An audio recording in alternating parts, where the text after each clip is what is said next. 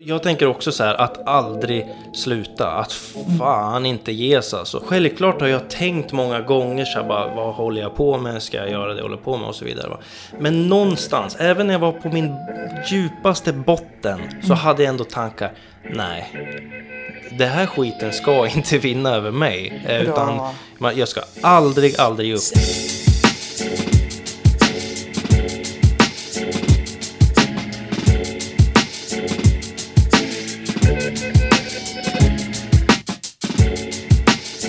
Jaha, Linnea Sandler, välkommen till Ge aldrig upp. Tack så mycket. Vad roligt att du är här. Tack för att jag fick komma. Ja, det är klart. Vi har ju känt varandra sådär några år och du Mm. driver ju ehm, eh, eget företag, Pilates, Yes. eller Pilates Play som det heter. Och sen så är du ju Yes. dansare också. Talang undrar jag Mm. lite först över sådär. Ehm, hur var det överhuvudtaget att vara med där? Väldigt speciell upplevelse. Men det roligaste måste jag säga att det är ju någon som har sett oss, för de kontaktade oss Mhm. och ringde och frågade om vi ville vara med. Eller de rättare sagt ville att vi skulle vara med Jaha. och komma. Så att det är ju väldigt kul då att de på något sätt har hittat fram till, till oss och sett oss. Hur, hur, vet du hur det var eller? Alltså hittade de er online eller var det någon som kände precis, har sett på klipp då. För då Mhm. var det speciellt, vi gör ju så väldigt mycket olika saker med House of Silver. Vi gör ju allt ifrån halloween till musikvideor till, som du vet, är med i reklamfilmer ibland och olika saker. Och då hade de sett mycket ifrån just halloween med det här lite skräcktemat och blev väldigt intresserade av det och ringde och ville att vi skulle komma och göra den biten av det. Mhm. Så ni Så hade att gjort som ett skräcktema innan? Ja, vi brukar göra det på Arbis bland annat här, när de har sin halloween-firande. Mm. Så brukar vi vara där och köra. Just det, för de som lyssnar så var det, och för de som såg Talang så var det alltså ni som var målade och kröp runt och fram till juryn och allt det precis. Skräckdansen, Ja, som precis. det heter på YouTube. Var, var det, alltså hur, hur kändes det där? För jag kan tänka mig att det krävs ju en hel del mod, eh, Mm. tänker jag ändå, att ställa sig på en sån scen i sånt sammanhang med kameror och Mm. allt sånt. Men du, hur kände du, gillade du det eller?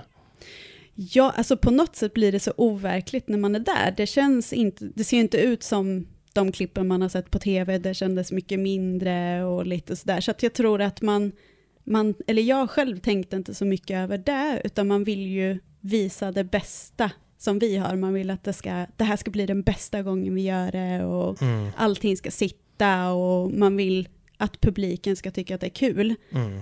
Och det är det här man älskar att göra.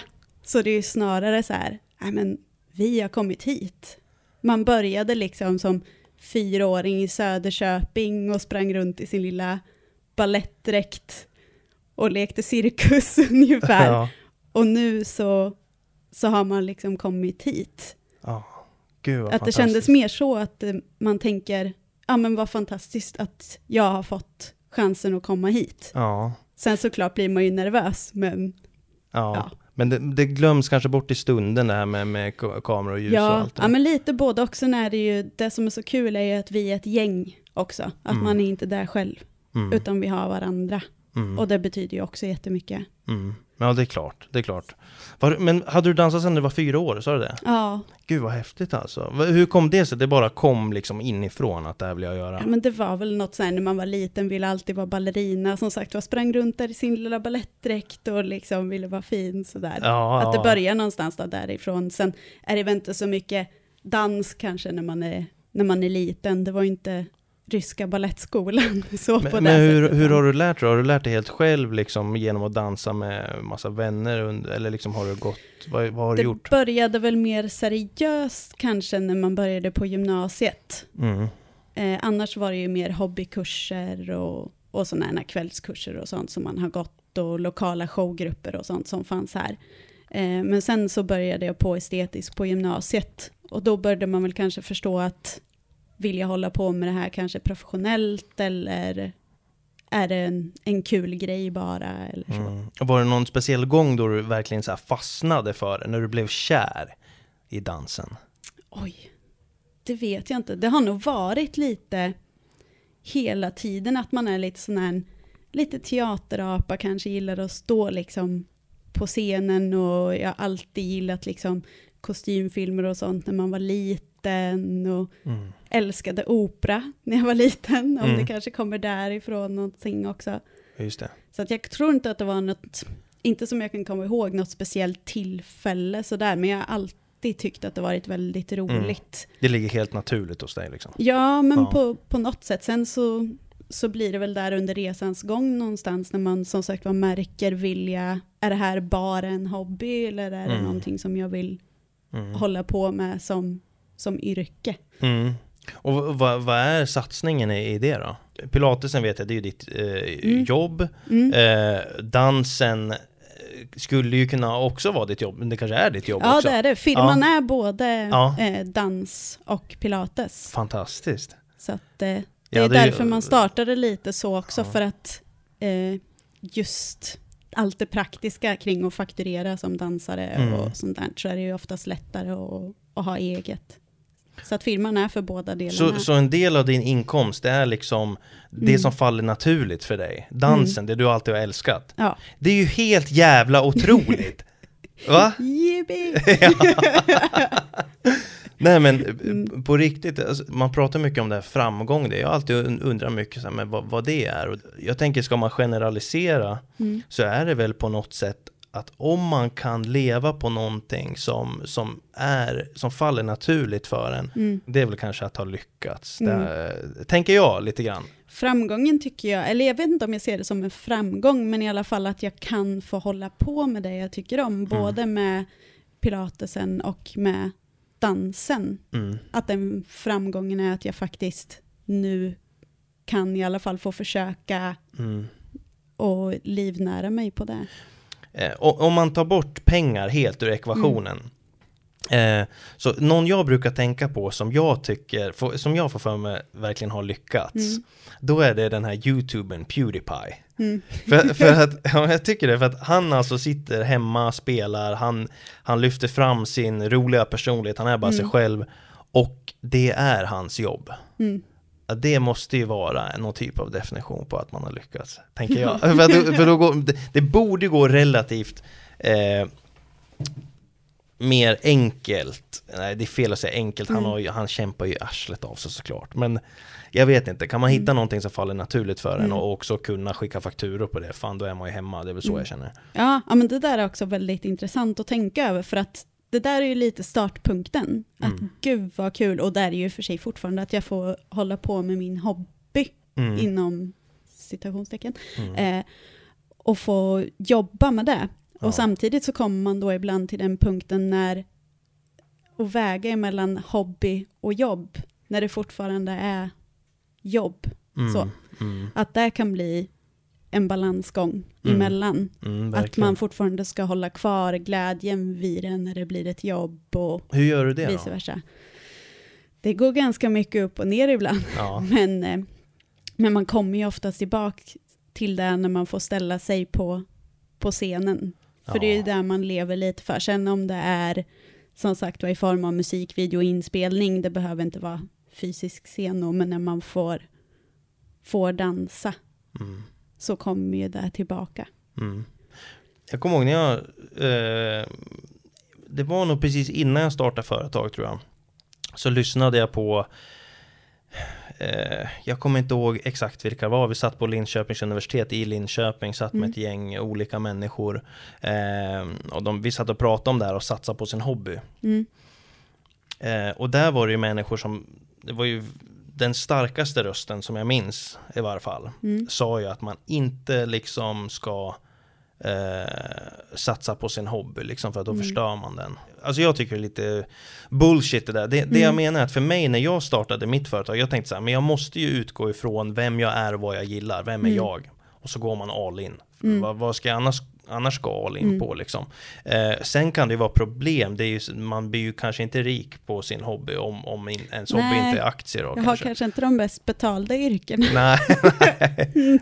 nej, det är ju så. Det är ju, det är ju tufft. Men det är ju en, också en avvägning som man får ta in i då, för det får man ju höra både och, båda sidor av de som verkligen tycker att, ja men har du chansen, Mm. testa att jobba med din hobby eller det som du älskar mest, till de som, som du säger, som man träffar, att, ja men gör inte det, det kommer, Mm.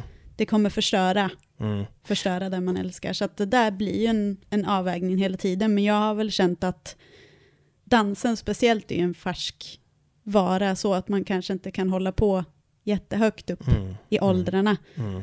Och då om jag har chansen att göra det nu så vill jag ju såklart testa. Ja, det är klart. Och då, sen om man märker under resans gång att det här är ingenting för mig, då kan jag alltid sluta. För det är Mm. alltid någonting som man tänker sig, ja men jag testar. Vad är det värsta som kan hända? Precis. Det är lite YOLO. Ja, nej, men, ja kanske det. Nej men att man tänker nästan lite så, ja men vad är det värsta som kan hända om jag testar? Man liksom Precis. tänker lite ut värsta scenariot. Mm. Ja, men då får jag väl sluta då. Mm. Mm. Eller Ja, precis. precis. hellre att man tar och testar och Ja, men- känner på och sen så behöver det inte vara ett misslyckande om det är så att man känner att det här var ingenting för mig eller det passade inte mig. Nej. Men då kan man känna att jag har testat i alla fall. Ja, verkligen. Verkligen. Lite mer no regrets kanske. No regrets ja. Jo men det är ju så, alltså, jag, jag brukar ju tänka liksom på, på framtida Jonas och, och jag vill ju inte ligga där och ångra grejer liksom. Mm. De här människorna som sa till mig gör inte det här, Mm. de vet inte riktigt faktiskt vad de pratar om heller. För mig är det så här att det är ju klart att om man satsar på sin hobby, det blir ju, ens hobby blir ett jobb liksom. Eh, och hobbynivån på det sänks, men passionen kan fortfarande finnas kvar, den finns kvar. Och sen när den svalnar, det som händer då, som man får reda på när man aldrig ger sig, det är att man kan hitta nya passioner, Mm. nya intressen. När man har Mm. gett sig in i den där dörren så kommer det flera dörrar att gå in i. Mm. Och där finns liksom flera saker att hämta som man aldrig hade hämtat annars. Mm. Så då kan man gå in i tio olika dörrar. Sen kan man gå tillbaks till den första dörren också. Mm. Och då är det då är den här glöden där igen, för då har man liksom växlat mellan olika Mm. saker att göra. Så många pratar om att om, du ska göra det där, då kommer du döda det liksom. Mm. Men, men det är ju väldigt endimensionellt att se på saker och ting tycker jag. Mm. För att det är, ju så, det är ju så mycket bredare och när man går in i en dörr så händer det så mycket mer. Mm. Jag tror speciellt det där kan vara väldigt olika från olika dansare. Att det, är, det finns inte så mycket jobb inom dansen. Ännu mindre i Sverige som inte är speciellt stort. Ännu mindre i Norrköping som Mm. är ännu mindre. Men att det är svårare inom dansen att se ett mål kanske. För det finns inte direkt ett fast yrke så på samma sätt. De flesta är anställda under en viss period när man gör en produktion eller det är en föreställning eller vad det nu kan vara. Så att det är inte lika lätt att kanske hitta ett mål om man inte är till exempel balettdansös och vet att jag kom- vill komma in på operan eller man Mm. kanske vill komma in i ett speciellt danskompani. Och där tror jag att det kan vara bra att man har varit så pass öppen av vart är mitt mål, att det kanske inte har varit en fast punkt utan då kan det vara lättare att hålla kvar kanske vid passionen för det blir lite som du säger olika vägar dit. Mm. Och Och de vägarna, olika mål. Och jag tror att de vägarna ändå leder till det där första målet. Mm. Om, om, om till exempel att leva på dansen. Mm. Och så har du som du, du har lite olika verksamheter och gör lite olika saker. Mm. Men du, du kan ju fortfarande fakturera för dansen. Ja, Du kan precis. leva på dansen. Du Mm. kan träna på dansen. Ja, Du, du kan lägga upp hur mycket filmer som helst på dansen på nätet. Mm. Kan ska- Alltså, möjligheterna är ju oä- oändliga för Mm. alla egentligen. mm. Men det är få som vill göra jobbet. Mm. Men du har gjort jobbet. Mm. Så det är väldigt, det är fantastiskt. Ja. Och nu skickar, nu bara sprutar fakturorna ut så här hela ja, absolut. Ja, precis. inte riktigt Nej, kanske, men, nej. men vi har verkligen kommit en lång bit på vägen Mm. och det är jättekul. Var det då vi träffades första gången? När jag du kommer var ihåg att det var en statist? reklamfilm, Ja. men jag undrar om det var första gången. Det känns som att vi hade träffats en gång innan. Ja, Spelade in begravningsfilm kommer jag ihåg. Det gjorde vi faktiskt. Superkul. Ja, precis. Gud, det var många år sedan. Mm. Undrar om jag visste vad jag gjorde då. Jag vet inte om jag visste vad jag gjorde. Ingen där visste vad de gjorde, men det blev resultat Ja. Det var En ju... glammig gaybegravning kommer jag ihåg att det Ja, just det. Men det var nästan den bästa filmen, och Mm. gjorde flera stycken vet jag. Ja, den var Men den väldigt fin. kunde. Jag kommer ihåg att tog några närbilder på en kompis som var med då. Vi spelade Gifta där. i. Ja, just Hon var det. jättefin. Så hade vi ett gaypar. Nej, ni Mm. var gaypar. Och Vi så var det ett manligt gaypar. Mm. Just det. Ja, det, det, det är öppensinnat och fint i en Mm. traditionell bransch. Jag gillar det. Vad är pilates egentligen? Det är ju man Ja. stretchar ut sig så in i helvete. Det är väl vad jag tänker att det är. Ja, ja, men det här var så himla intressant när jag tänkte lite över, kollade snabbt igenom det du skickade och du ville prata om och då tänkte jag lite så här, ja men vad är det som har varit svårt just med Pilates och med firman? Och då är det ju lite det att folk vet inte vad det är. Mm. Mm. Där har vi problem nummer ett, höll jag på att säga, men Ja, lit, ett litet hinder kan man ju säga. Att eh, det är mycket bålstyrka som man tränar, så det är en blandning av styrka och flexibilitet. Så det är många som tror att jag måste vara jättevig för att gå på pilates. Mm. Eller jag måste vara gymnast eller dansare eller hålla på med sport. Men absolut inte, utan det är därför man går. Mm. För att bli mer flexibel, till Mm. exempel, om det nu är ditt mål.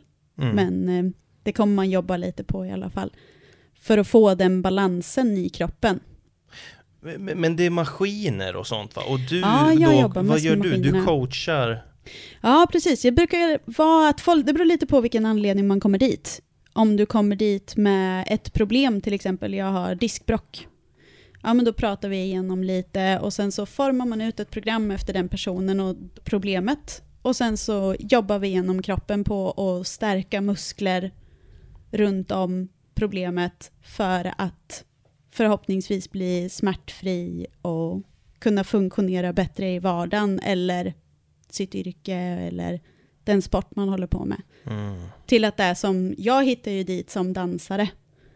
Det började med att jag var skadad och hade en danslärare som hade en studio nere i München i Tyskland.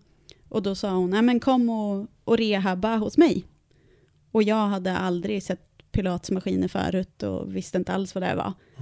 Och sen så började vi jobba på att stärka upp mina muskler och allting så. För att sen kunna börja dansa igen.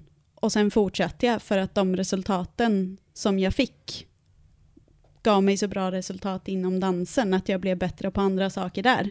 För att jag blev starkare av den här träningen och den största delen är att man blir mycket mer kroppsmedveten på det sättet att hur fungerar mina muskler?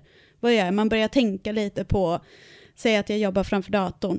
Sitter jag så här liksom 24-7, ja men då kanske jag börjar få ryggproblem. Jaha, men hur sitter jag?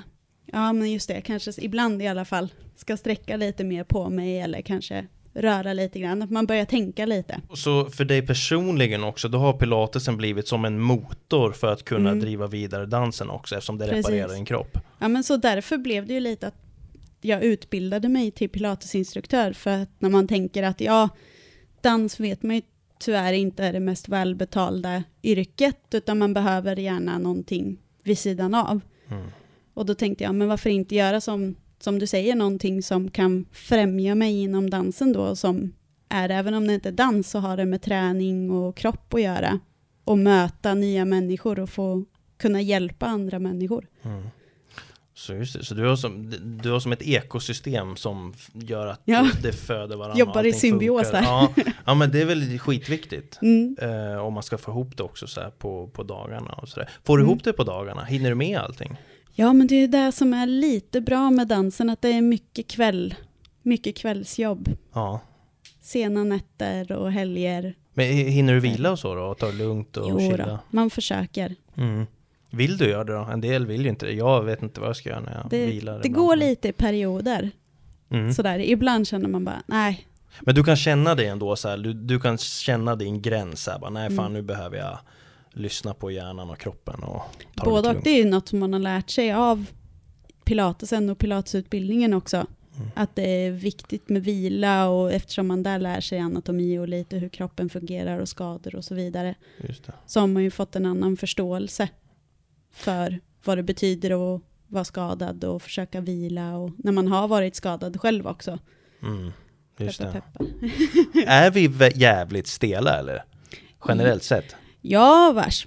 Det är man ju. Men jag tror att det är mest det att man, eh, man inte har som sagt den här kroppsmedvetenheten.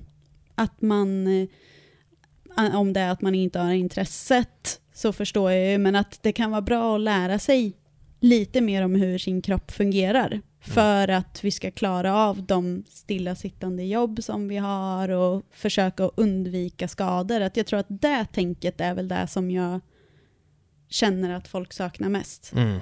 Att jag kanske tar hand om min kropp på det sättet så att jag kan undvika i mycket möjlig mån vissa skador. Mm. Prehabba, Ja, som det precis. kallas nu. Just det. Det är bra eh, tips och råd där. Mm. Eh, jag tänker med ditt företag här igen. Hur Mm. länge har du eh, hållit på och hur var det att komma igång med det? Tre år ungefär har jag haft studion, sen så startade företaget lite, lite innan. Eh, jag kom igång med det för att jag jobbade ju och, och har utbildat mig nere i Tyskland. Både som dansare och pilatesinstruktör. Så då var det, det började och startade för att det var lättare att fakturera på det sättet när jag jobbade nere i Tyskland ett tag. Och eh, sen blev det lite av en slump. Jag började titta runt lite för det jag tyckte var kul med pilates är ju maskinerna och jobba med dem. Mm. Annars hade jag egentligen kanske inte på samma sätt behövt en studio så. Och det finns ju, fanns i alla fall då ingenstans i Östergötland Mm. som hade. Och det är fortfarande bara jag och en tjej till som har det. Så då, då var det så här, ja, men alternativet då är ju att starta upp något eget och se om man kanske får igång en studio. Så det låg väl och bubblade lite men kollade runt lite grann, var inte kanske sådär superaktiv då för att jag åkte ner till Tyskland och jobbade ganska mycket där då också och hjälpte till på den studion. Mm. Även och hade en liten sväng iväg till New York och dansa och sådär så jag var liksom inte fast Mm. någonstans då så då var jag inte jätteaktiv när jag letade. Så blev det av en slump när jag var hos en eh, fysioterapeut och behandlade skador och liknande som jag har lite kontakt med. Och han sa att de skulle flytta. Och sa att ja men här finns det kanske lokaler, kanske skulle vara något som skulle vara intressant för dig. Men så tänkte man, ja men här då får jag faktiskt, även om vi inte blir kollegor så blir det lite så att jag har ändå likasinnande Mm. runt mig. Och då var det sådär, ja men då, ja men jag testar. Ja, men det är väl skitbra. Så det, det blev lite Det bara blev så. bara att, så att man var tvungen att ta chansen då. Ja, Ja. men jag testar. Men jag tänker att det blir ju också för att du har ju riktat hela din energi åt det hållet Mm. genom flera år innan. Till Mm. slut så bara är man där och då känner man att det Mm. bara blir. Men Ja. egentligen så har man fokuserat och jobbat åt en viss riktning länge Mm. och helt plötsligt så står man där. Men jag tänker, vad är den största, vad har, har det funnits några utmaningar i att driva det? Ja, men det största är ju lite som vi pratat om, att folk vet inte vad pilates handlar om. Så där har jag haft, eller har fortfarande, eh, och få ut eh, namnet och Mm. nätverka och att det är Mm. väldigt mycket sånt. Det svåraste och det jobbigaste och det lättaste är ju bästa, är ju samma sak för mig. Mm. Att det är att man är helt själv. Mm. Att man ska lära sig allting som man kanske inte tänker på. Det är bokföring, det är marknadsföring, hur gör jag en affisch? Vad ska jag tänka på med ett Instagram-inlägg? Och eh, allt, allt däremellan. Mm. Och att man sätter sina tider själv, vilket är det bästa. Och samtidigt det jobbiga kanske, att du slutar ju aldrig jobba. Mm. Man kan ju sitta där mitt i natten och liksom, "Ja, men nu bokför jag lite. Mm. Och det kan ju vara det sköna Ja. samtidigt det jobbiga. Så det tycker jag är lite utmaningen i att man, man är själv och just som vi sa att det inte, det finns ingen här som håller på med speciellt det som jag håller på med riktigt. Då liksom försöka ha en mentor och lite sådär som jag hade med den som utbildade mig i början. Mm. Så eh, hade jag henne lite som mentor och ringde och fick lite hjälp där. Och, Mm. och försöka att ta sådana här kurser som finns väldigt mycket nu, till exempel Nyföretagarcentrum, Skatteverket har ju mycket sådana olika. Mm. Och se att man kan faktiskt inte vara rädd för att be om hjälp. Mm. Och att man då när man frågar runt, även om det är folk som inte håller på med just det jag håller på med, som till exempel naprapater eller fysioterapeuter, att det man får höra är ju att det tar tid Mm. och att man måste ha is i magen Mm. att det tar ett tag för det går väldigt mycket upp och ner och att räkna med en fem år till exempel innan det drar igång ordentligt och, och sådana saker. Att, att det är också en utmaning att känna att ha is i magen. Mm. Nej men det här med att jobba själv, eh, det är en jävla utmaning. Eh, Mm. Speciellt skulle jag säga, om jag tittar på mig själv, att jobba själv i en bransch Mm. som är baserat på lagarbete. Mm.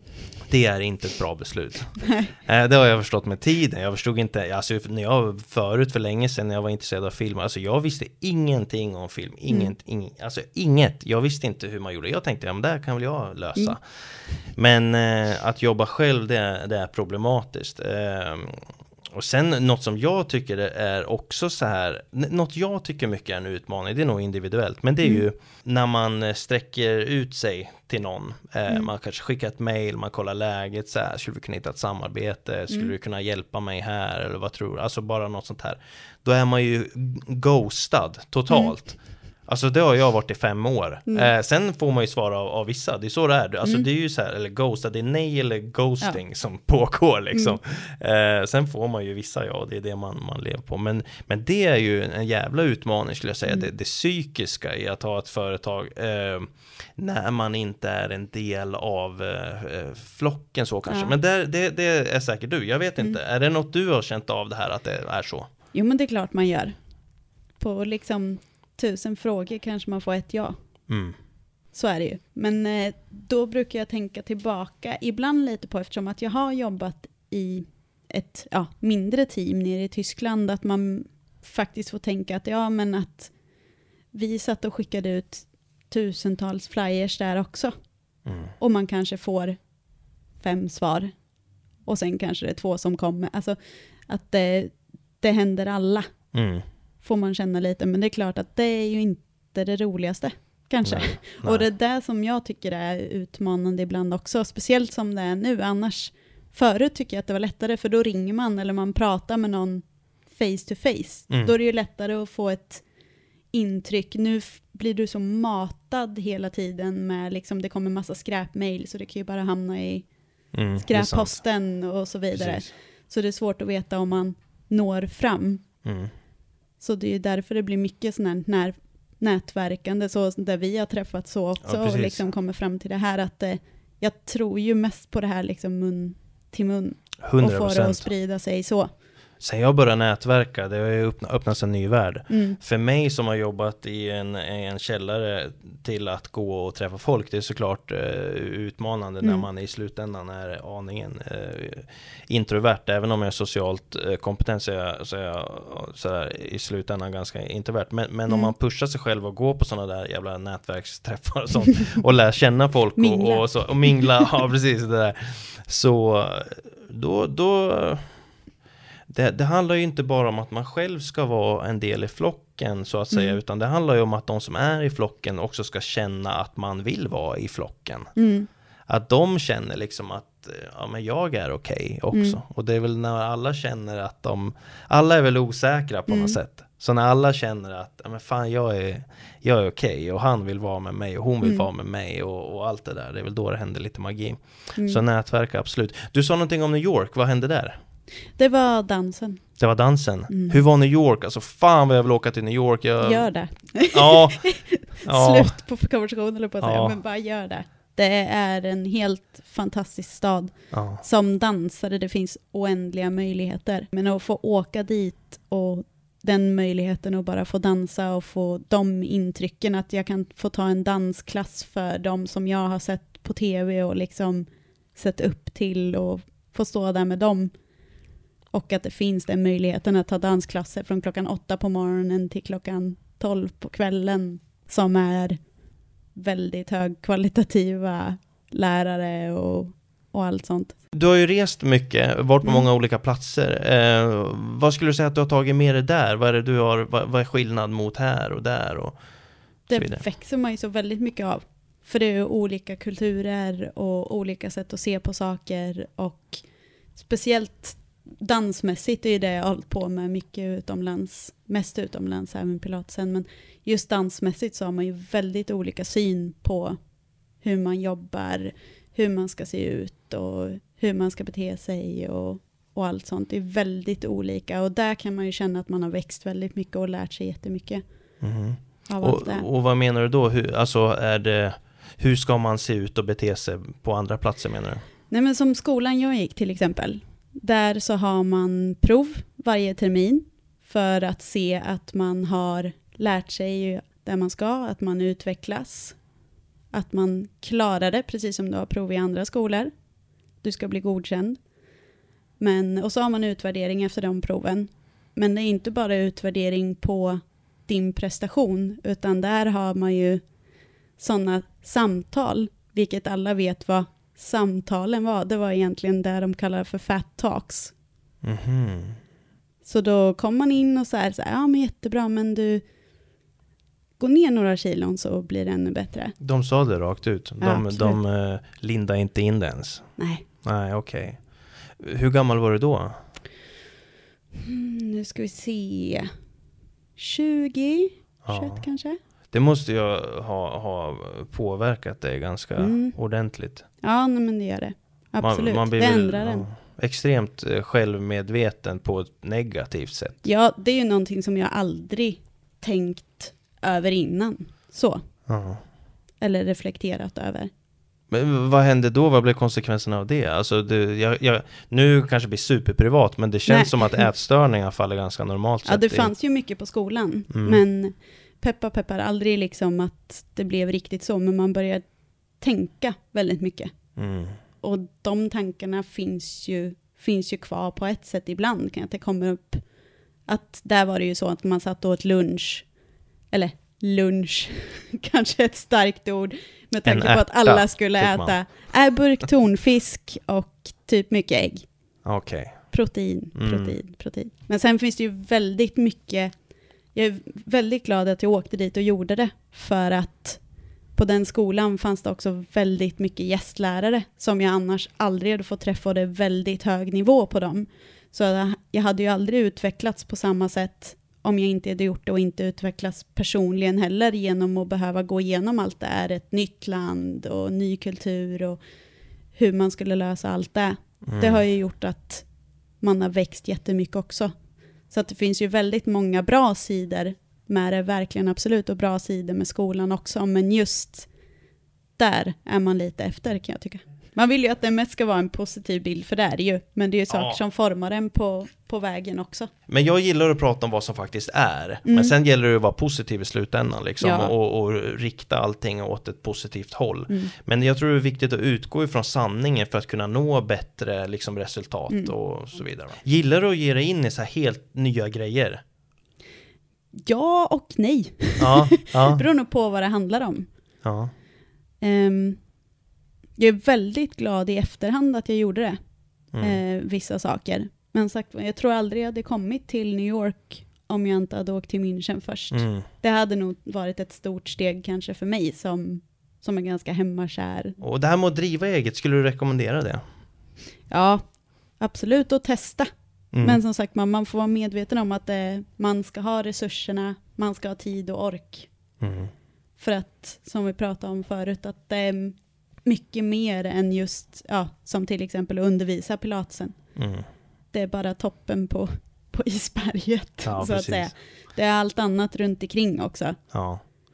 Men så länge det är kul är det väl bara att köra? Ja, men jag tänker det. Så länge Ja. man har tid, ork och resurser så, så testa. Mm. Men som sagt, var medveten om att, att det tar tid, ork och resurser. Ja, precis. Och var inte rädd att be om hjälp, Be om hjälp. tycker jag. Eller Fan, försöka det- skaffa en mentor. Mentor och be om hjälp.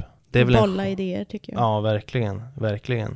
Ja, för det där har jag känt mycket när man, eh, när man bollar med sig själv. Då har man Mm. all energi inne i huvudet bara. Men man får inte ut någonting. Men bara det här att kunna öppna munnen liksom. Det är som Jessica som hjälper här vid kameran Mm. vi har setts på några möten innan. Bara att man kan sitta och prata. Ja. Eh, Få en annan input bara. Precis, och det leder ju saker vidare och Mm. framåt och utvecklar. Inte fastna i sina egna tankebanor. Och, och. Precis. Därför är jag så tacksam att jag hamnade på det stället där jag hamnade. Att jag har som sagt, för även om jag inte har kollegor, så har jag folk som är väldigt snälla och öppna runt omkring mig. Att man kan prata om då olika problem man har eller be kanske om råd eller Mm.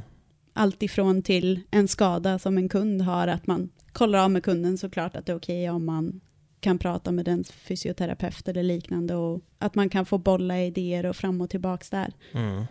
Precis. Det är man ju jättetacksam över. Så var öppen och inte liksom hålla inne saker, Mm. inte se människor som konkurrenter utan mer som kollegor, Ja, samarbetspartners. verkligen. var absolut. transparent. Mm. Eh, det låter väl som jättebra tips och råd. Är dansen din passion eller är det för, eller är det pilates som är din passion? Eller är det liksom de ihop? Eller vad, vad känner du att att du brinner vilket för? barn man älskar mest. Ja, okej. Ja, jag förstår. Ja, ja Nej, men dansen har ju funnits längre. Ja. Mycket längre i mitt liv än vad pilatesen har. Mm.